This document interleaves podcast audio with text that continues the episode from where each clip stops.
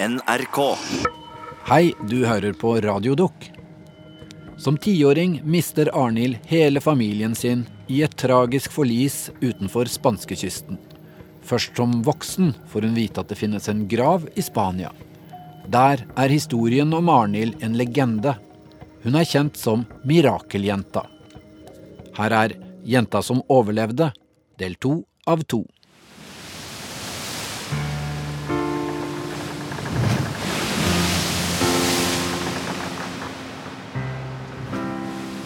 Hvordan det kom opp, det husker jeg ikke. Men eh, det ble i hvert fall eh, sagt at eh, på grava i, Spania En vinterdag i 1971 får Arnhild Utheim vite at mora hennes ligger gravlagt i en by nordvest i Spania. Der har hun ligget i 22 år uten at Arnhild visste noen ting. Mora døde da båten Talassa gikk ned utafor Galicia i Spania i 1948. Arnhild var den eneste som overlevde. Og når jeg da begynte å snakke med tante Ågot og spurte hvor er det papiret på dette her, så sier tante Tina det er på Utenriksdepartementet, men du må ikke gå og se på det som ligger der, for det er for fælt. Jeg har ennå ikke vært og sett der. Hele livet sitt har Arnhild leita etter svar. Hvorfor la foreldrene ut på en så vanvittig ekspedisjon? Å flytte til Galapagos på den andre sida av jorda med tre små barn? Er det hun husker fra forliset og dagene etter, riktig? Ingen har noen gang snakka med henne om det som skjedde. Men da hun får vite om grava i Spania, åpner det seg en helt ny verden.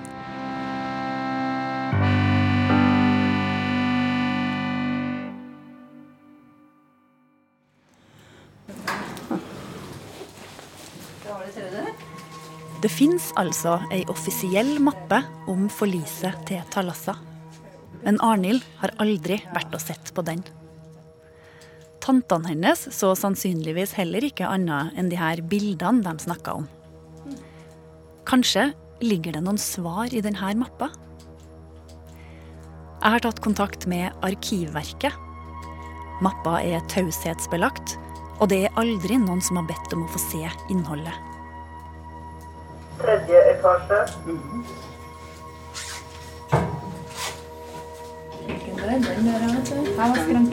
Nå har arkivarene leita fram mappa, som har ligget urørt siden de siste papirene ble lagt inn i 1971. De har kommet fram til at innholdet kan gjøres tilgjengelig. Ja, det blir spennende. Jeg syns det skal bli veldig spennende. Kristin spurte meg i går om jeg grua meg, men det gjør jeg ikke. Jeg er bare veldig spent på hva det er eh, som ligger der. I og med det tanta mi sa at uh, anbefalte meg ikke å gå og se der. Og i hvert fall ikke på bildene, for det var ikke noe for meg. Så da er det vel noen dramatiske bilder, da.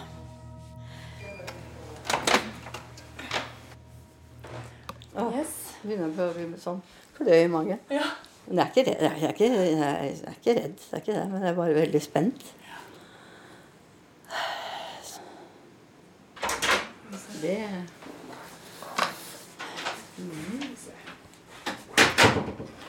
Det er altså et sånn mappe altså dette er fra Utenriksdepartementet. UD. Og, og det er, der er det folk som er døde i utlandet, så lages det mapper på dem. Eller, altså, så, så kommer det dokumentasjon og sånt inn til UD, ikke sant? og da blir det mapper på dem. Så dette er den mappen som da er på, på den Talassa. Den brune mappa er falma og litt lørvete i kanten. Den er 3-4 cm tjukk, og med sirlig håndskrift står det 'Talassas forlis' på forsida. Jeg er så spent på de bildene. Nesten ikke så det til å styre med. Jeg må jo kunne ta dem ut.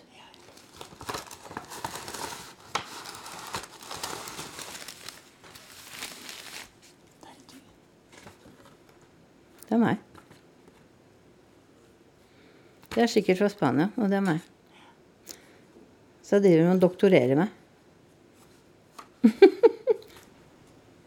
Ser du det? Og vrakrester. Du ser ganske bra bølger fremdeles. Mm. Der. Der. Ja. Arnhild har bladd fram til et bilde av ei kvinne som ligger tulla inn i et teppe. Vi ser bare hodet. Øynene er åpne. Men det er i hvert fall eh, mamma, mener jeg. Mm, mørke, mørke hår og hun Hedvig, hun hadde jo langt, lyst hår. Det er mamma, det. Mm. Kanskje det står noe bak? Nei, det var det det ikke gjorde. Her er det et brev som følger med de bildene. Ja. Jan- 31. januar 49. Utenriksdepartementet Oslo. Visekonsulatet i Vigor har innberettet under eh, 26. dennes at det fløt i land et nytt lik fra Thalassa den 22. Det hadde altså ligget eh, 22 dager i sjøen, ikke sant? Fra 1. til 22. Det var ikke mulig å ta fotografier av liket pga. den oppløsningstilstand det befant seg i. At liket skrev seg fra Thalassa, sluttet man seg til støvlene som bar norske fabrikkmerker. Under eget omslag fremsendes et armbåndsur som fantes på liket. I papirene finner vi ut at seks av de døde fra Talassa ble funnet.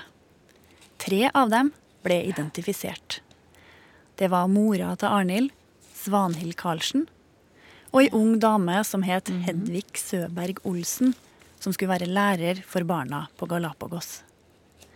Den tredje er en mann, og det har åpenbart vært litt fram og tilbake før de finner ut hvem det er. En som har fått utlevert dødsattesten for sin svoger Kristian Stampa. En gullring, sisilert med inskripsjon. Ja, da hadde han den på seg, gitt. Da, Da er han funnet. da har han funnet. Da vet vi det. Ja, for det må jo være det, da. Ja. Og det er Stampa. For han var en av de Vi var oss, og så var det ett menneske til. Og det mener jeg var han som sto bak på båten. Ja. Mm. Men da har kanskje du fått bekrefta nå at du Ja. husker det. ja. Og at han, eh, han da er identifisert. Stampa var mannen som hadde bodd på Galapagos med familien sin i mange år. Etter motortrøbbelet med Talassa tok kona hans med seg ungene og reiste med en annen, større båt. Han ble identifisert pga. inskripsjonen på gifteringen. Mora til Arnhild hadde også ringer på seg da hun ble funnet. Ja, Se her. Visekonsulen mente det var lite hensiktsmessig å utlevere ringen til Arnhild Karlsen da det kunne minne henne for meget om ulykken. Tenk å ta sånne beslutninger. Nei, men jeg mener, altså, jeg mener jeg har sett dem på Haslum. Vi finner et dokument som viser at onkelen har kvittert for at han har fått ringene hos Utenriksdepartementet. Men Arnhild fikk de aldri. Oi. Ytterligere to lik. Tine. Høye og lyse. Helt ødelagte hoder.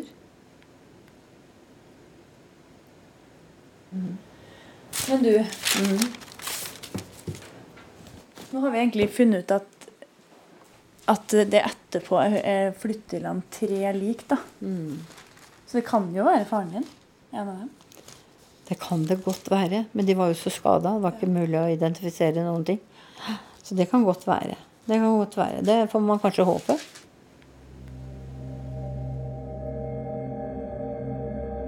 Dagen etter at tante Tina forsnakka seg og røpa at det var en grav i Spania, i mars 1971, skriver Arnhild brev til Utenriksdepartementet.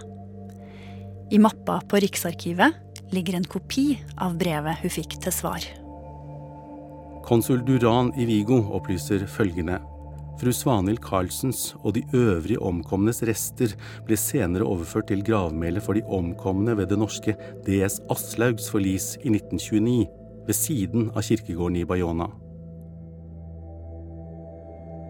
I 22 år har Arnhild trodd at hele familien hennes forsvant i havet.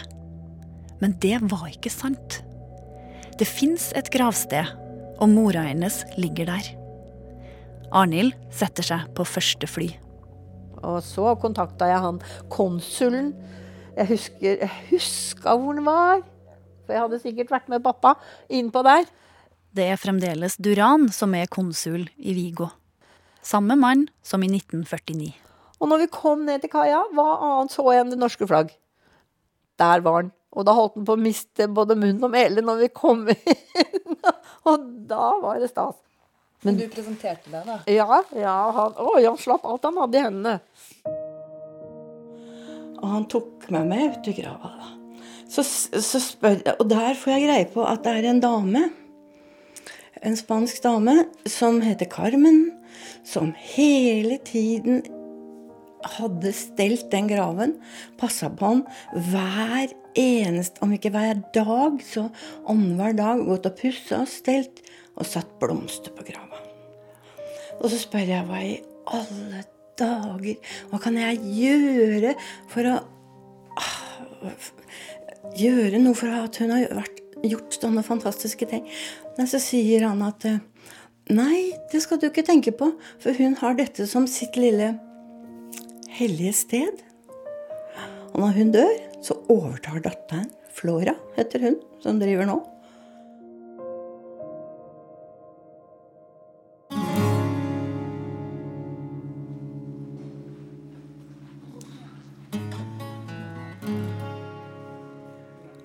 Arnhild har vokst opp i Norge uten å få vite mer om ulykka enn det hun husker sjøl.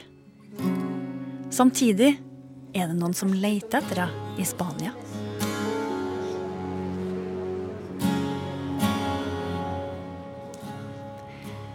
Den 25. juli 1949 blir ei jente født i Galicia.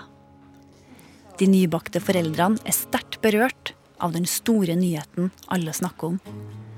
Den vakre lille jenta som overlevde skipsforliset ved Cabo Sieiro, men mista hele familien sin. De kaller dattera si Arnilda. De håper navnet skal gi den nyfødte dattera styrke og livskraft. Hun sier at hun hadde gått med det navnet selvfølgelig hele sitt liv. Og alltid blir spurt om hvorfor har du så konstig navn, hvor kommer det fra? Og så har hun fortalt at hun var oppkalt etter meg, Arnhild, og, og, og den historien. Og så hadde hun begynt å lete etter meg, altså hadde hun begynt å søke etter meg. Hun hadde til og med spurt en, en norsk fotballspiller som spilte på det lokale laget der nede den gangen. Celta Vigo eller noe sånt noe. Og en nordmann Nei, han visste jo ikke hvem jeg var, og ikke Og Carlsen het jeg jo ikke lenger. og og som jeg forstår, så er det ikke bare å komme til en eller annen konsul eller et eller annet sted og spørre om Kan vi få opplysninger om, om oss? Sånn at uh, hun hadde lett og lett og lett og fant ikke ut av det. Arnilda har ei datter som heter Jessica. Hun har sett hvor hardt mora har jobba for å finne denne norske dama som hun er oppkalt etter. Og en dag i 2012 bestemmer hun seg for å prøve sjøl. One day I just decided to try to find her. Uh, gather her name and just not much more than that. Look through Facebook, social media, found a woman that by age and name sounded like it should be her. Så plutselig, da, så dukka det opp en uh, på Facebook fra Jessica. Sender meg en, en, melding på Facebook og spør om jeg er den Arnhild som moren hennes har lett etter nesten hele livet og ikke klart å finne. Og um, hun skriver på engelsk. Og så måtte jeg, tenke, jeg svare henne at ja, jeg er den Arnhild du leter etter, men hvor, hvilken forbindelse har du med dette? Ja, hun skrev for sin mor, da. Arnilda har endelig funnet navnesøstera si. Hun tipser en journalist i lokalavisa som har skrevet mye om skipsforlis i området. Paco Diaz har kjent til historien om Talassa helt siden han var barn. That, uh, her daughter found the email address of Arnil. I uh, will never forget that day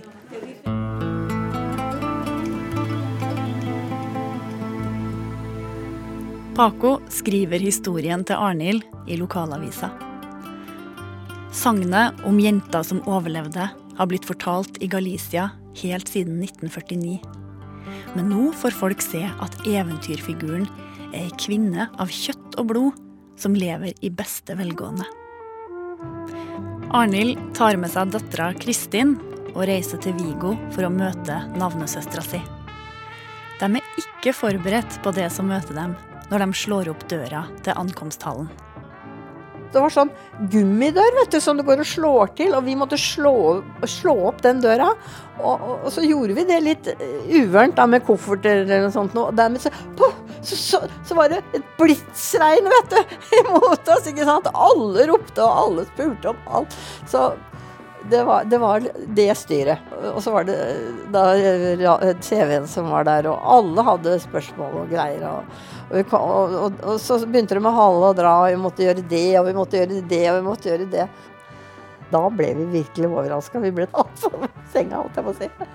Hadde ikke regna med sånn oppstyr.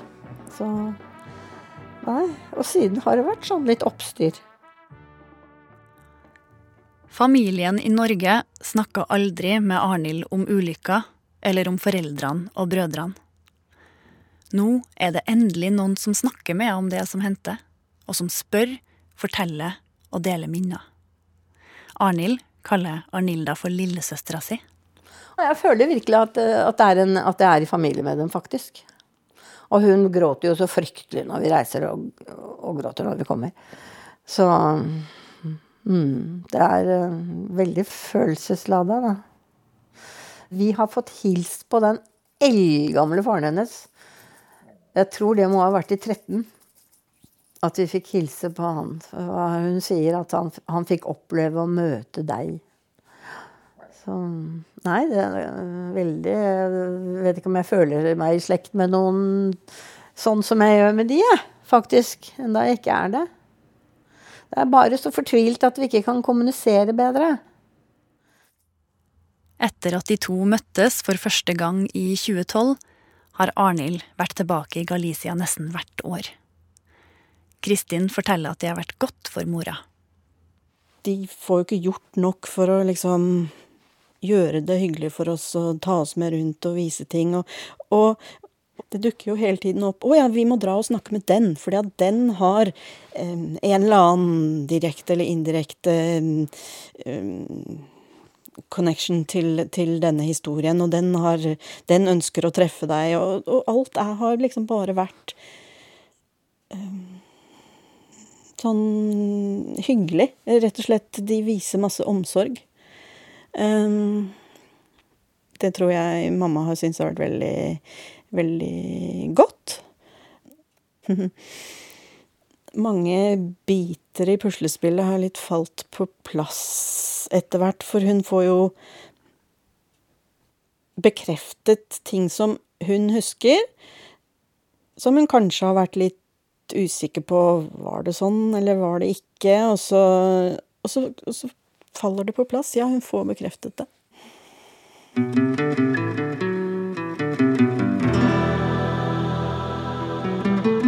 Nå har det blitt mars 2018. Arnhild og Kristin skal på et nytt besøk til Bayona. Og denne gangen skal jeg få være med.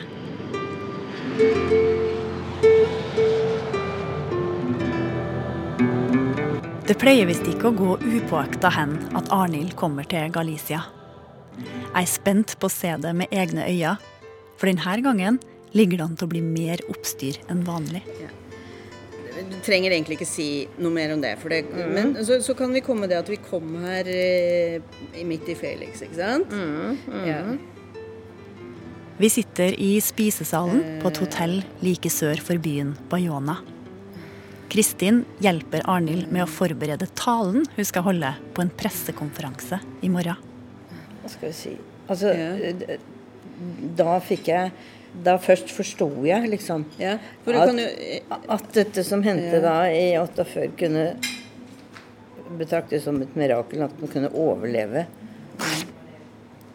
Uh, og det at jeg da ikke før nå har forstått at denne, denne hendelsen fremdeles kan leve i folks minne her nede.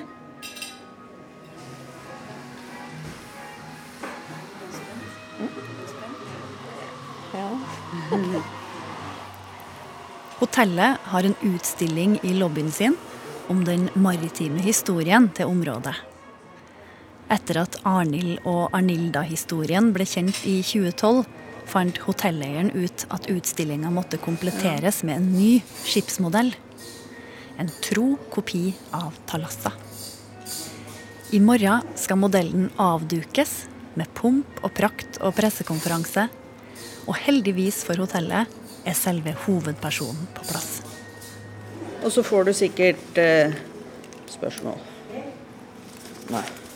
Og det går bra. Mm. Flott, Kristin. Mm. Lener meg på deg, vet du.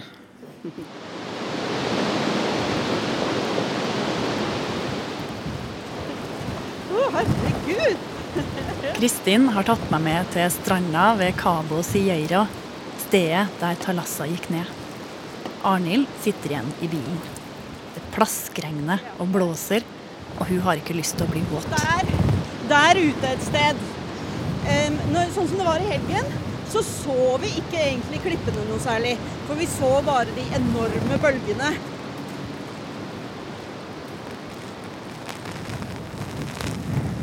Så du kan tenke deg her midt på natta, helt svart, eh, og vær som er verre enn det her. Ser ingenting. Så mister du motorkrafta da. Det er, det er jo ja, ganske skrekkelig. Hæ? Det er jo kjempenært vær. Ja, det er det.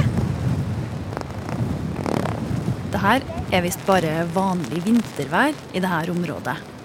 Men sjøsprøyten står høyt over rekka med skjær som strekker seg ca. 100 meter utover fra land. Her så er det liksom en, Det blir jo på en måte en liten sånn vik. Og der er det eh, ti meter sandstrand. Mamma husker jo at hun på en måte reiste seg opp på sandstrand. Så det var nok sannsynligvis her. Ja. Altså det eneste jeg kan se for meg liksom å overleve noe sånt, er rett og slett at du blir tatt av en, en kjempebølge, en sånn høy en, som på en måte bare løfter deg til land.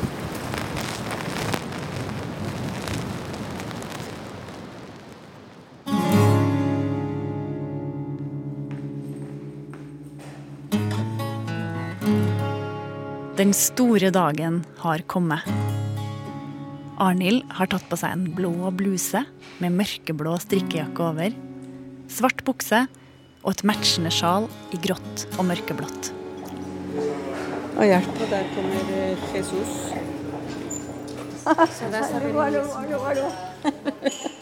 Qué guapa, qué guapa está. Beautiful, you are beautiful. Yeah.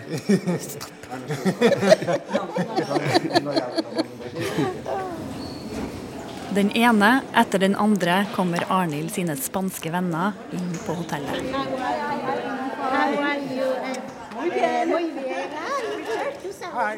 Blant dem journalisten Paco, Flora som steller gravstedet, og helt til slutt personen hun venter aller mest på, Arnilda. Ja, det er det Hallo, hallo, Ay, qué calentito está. ¿Qué tal? Bien, ya, ya, ya, sikkert.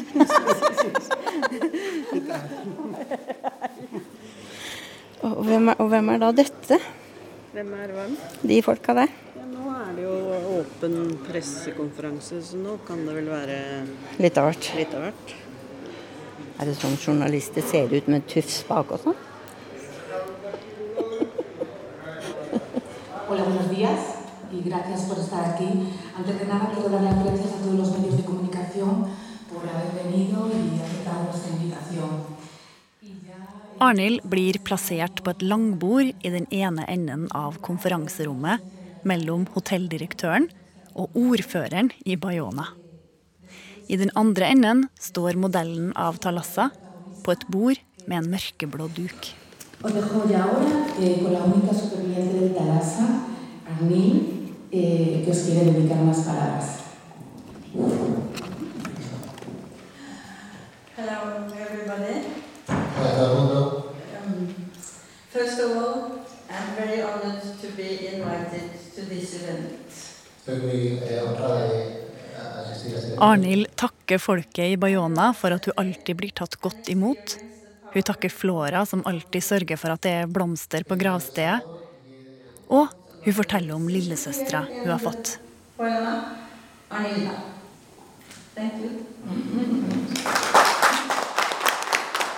I løpet av dagene vi er i Galicia, blir Arnhild intervjua av tre TV-stasjoner og i ni avisartikler.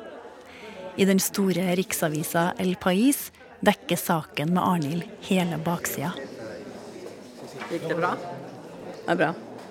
Huff a meg, jeg skjelver ennå.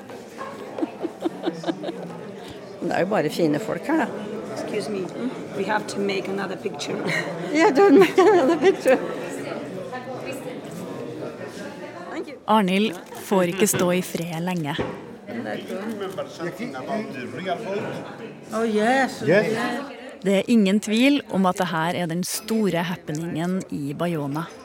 Iallfall denne uka. Det kryr av folk i barområdet. Nei, nei, jeg er ikke sliten, nei. Jeg bare prøver å, å sortere hva som har hendt.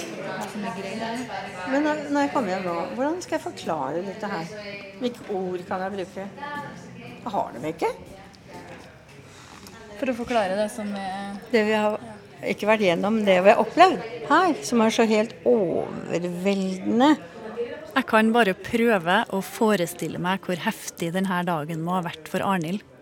80 år og kjendis i Spania. Men det er enda ikke slutt.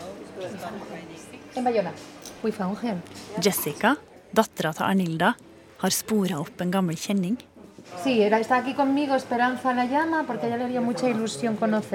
Dama som ga Arnhild porselensdukka før hun reiste fra Vigo i 1949, lever enda. Hun er 90 år og vil gjerne møte den vakre lille jenta med de blå øynene igjen.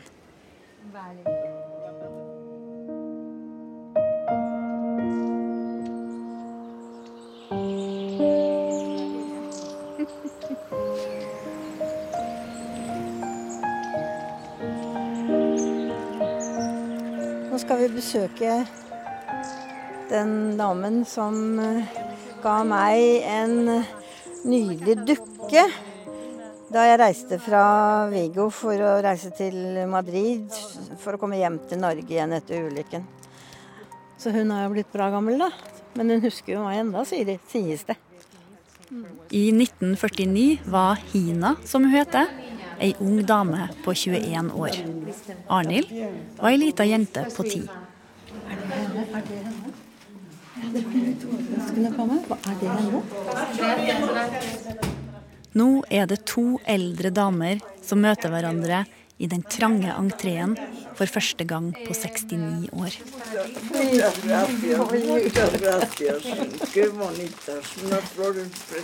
Hina er rakrygga og slank. Hun har på seg et smalt, rutete skjørt, ei nydampa, mørk strikkejakke, og hun har nok vært hos frisøren og fått lagt håret. Det første vi ser når vi kommer inn i gangen i leiligheten til Hina, er et stort glasskap som dekker hele den ene kortveggen fra gulv til tak. Det er fullt av porselensdukker.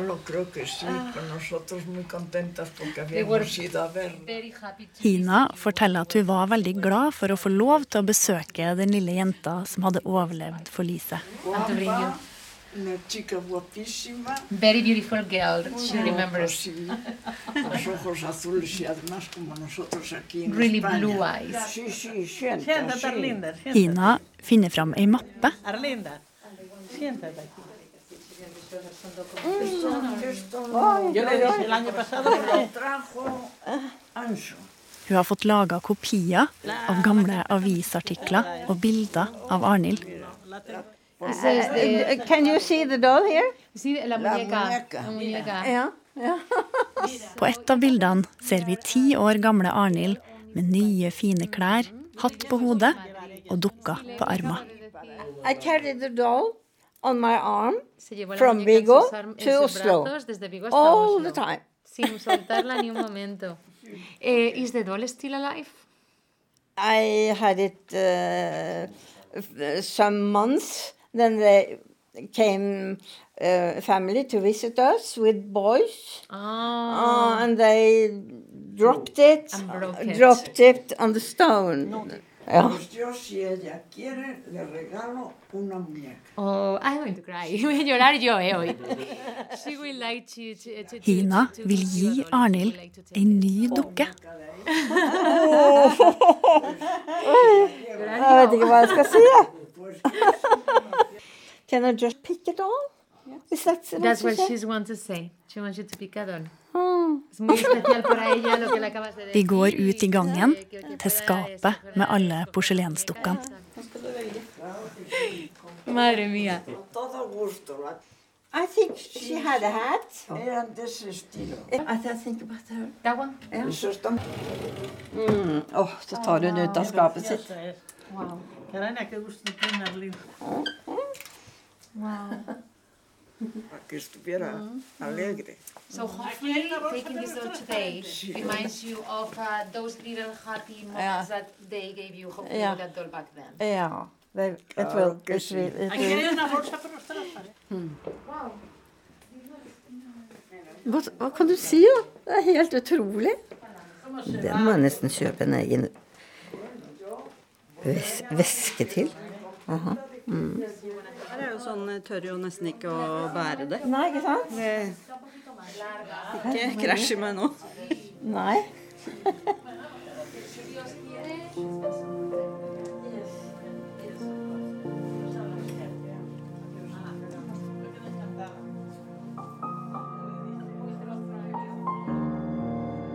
Både nye venner, omsorgen og oppmerksomheten hun har fått i Spania, har gjort godt for Arnhild. Men det er ett spesielt sted som er grunnen til at hun har vendt tilbake til Bayona gang på gang. Kirkegården ligger midt i sentrum. Innafor de svarte smijernsportene er det en stor, åpen plass. Noen graver ligger i bakken og er gjerda inn med grønn kjetting. Muren som går rundt plassen, er også full av mindre gravsteder plassert i høyden. Der ser du tydelig at det er en sjømannsgrav. Og det er vel like fint hver gang, for der har hun vært og satt blomster. Ja. Det er så, det er så pent og det ser ut som vinden har tatt tak i blomsterpotter. Og, men den, den potta der, den står. Den er så tung vet du, at du klarer ikke å røre den. Arnhild går med vante skritt rundt gravstedet. Nydelig blomster i dag, Kristin. Ja, det var det. Jeg kan se på måten hun beveger seg på, at hun har vært der mange ganger og føler at dette er hennes sted. Der. To steiner med inngraveringer på, en stor og en litt mindre, ligger nedfelt i bakken. Den store er for et forlis med en annen norsk båt, Aslaug. Den litt mindre steinen er for de omkomne på Talassa. El pueblo de Bayona a las víctimas del naufrasio, altså skipsforlis, del eh, Jeg trodde det skulle være bark, men bu buk. Ja, eh, det er båt. Norve Norvego Nor Talassa.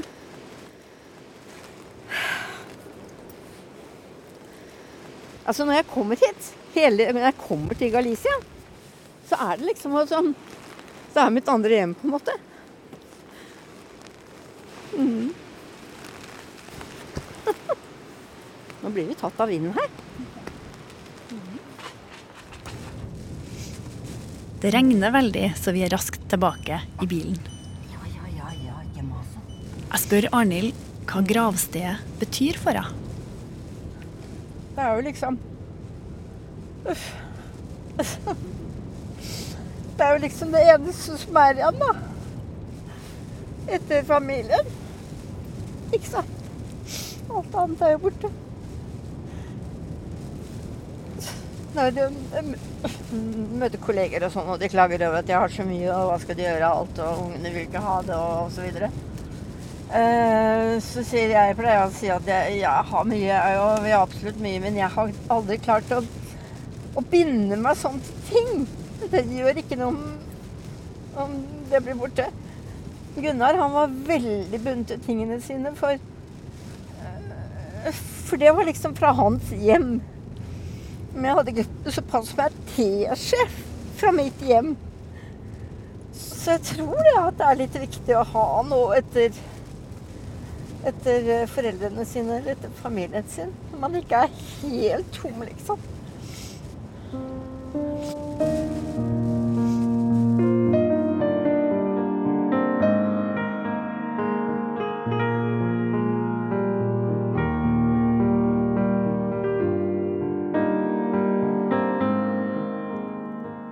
Vi er tilbake på hotellet. I fire dager har Arnhild vært i sentrum for oppmerksomheten til en hel landsdel. Nå sitter hun på senga på rommet sitt og kjenner at det begynner å bli nok. Jeg sa til Kristian i sted at jeg tror ikke at jeg kommer til å reise hit mer. Syns du det er rart? Nei. Men jeg lurer på hvorfor du tenker det. Jo, altså det er, det er jo fantastisk nå når alle liksom er så oppmerksomme sånn. Men Men uh, jeg tror det er godt å få litt avstand nå, jeg. Ja. Sånn Nei, det har nok, det har nok uh, vært en altfor stor del av livet mitt, skjønner jeg etter hvert. Og når det nå kommer så nært som dette her, så Jeg håper liksom jeg klarer å sette en, en slutt, på en måte, nå.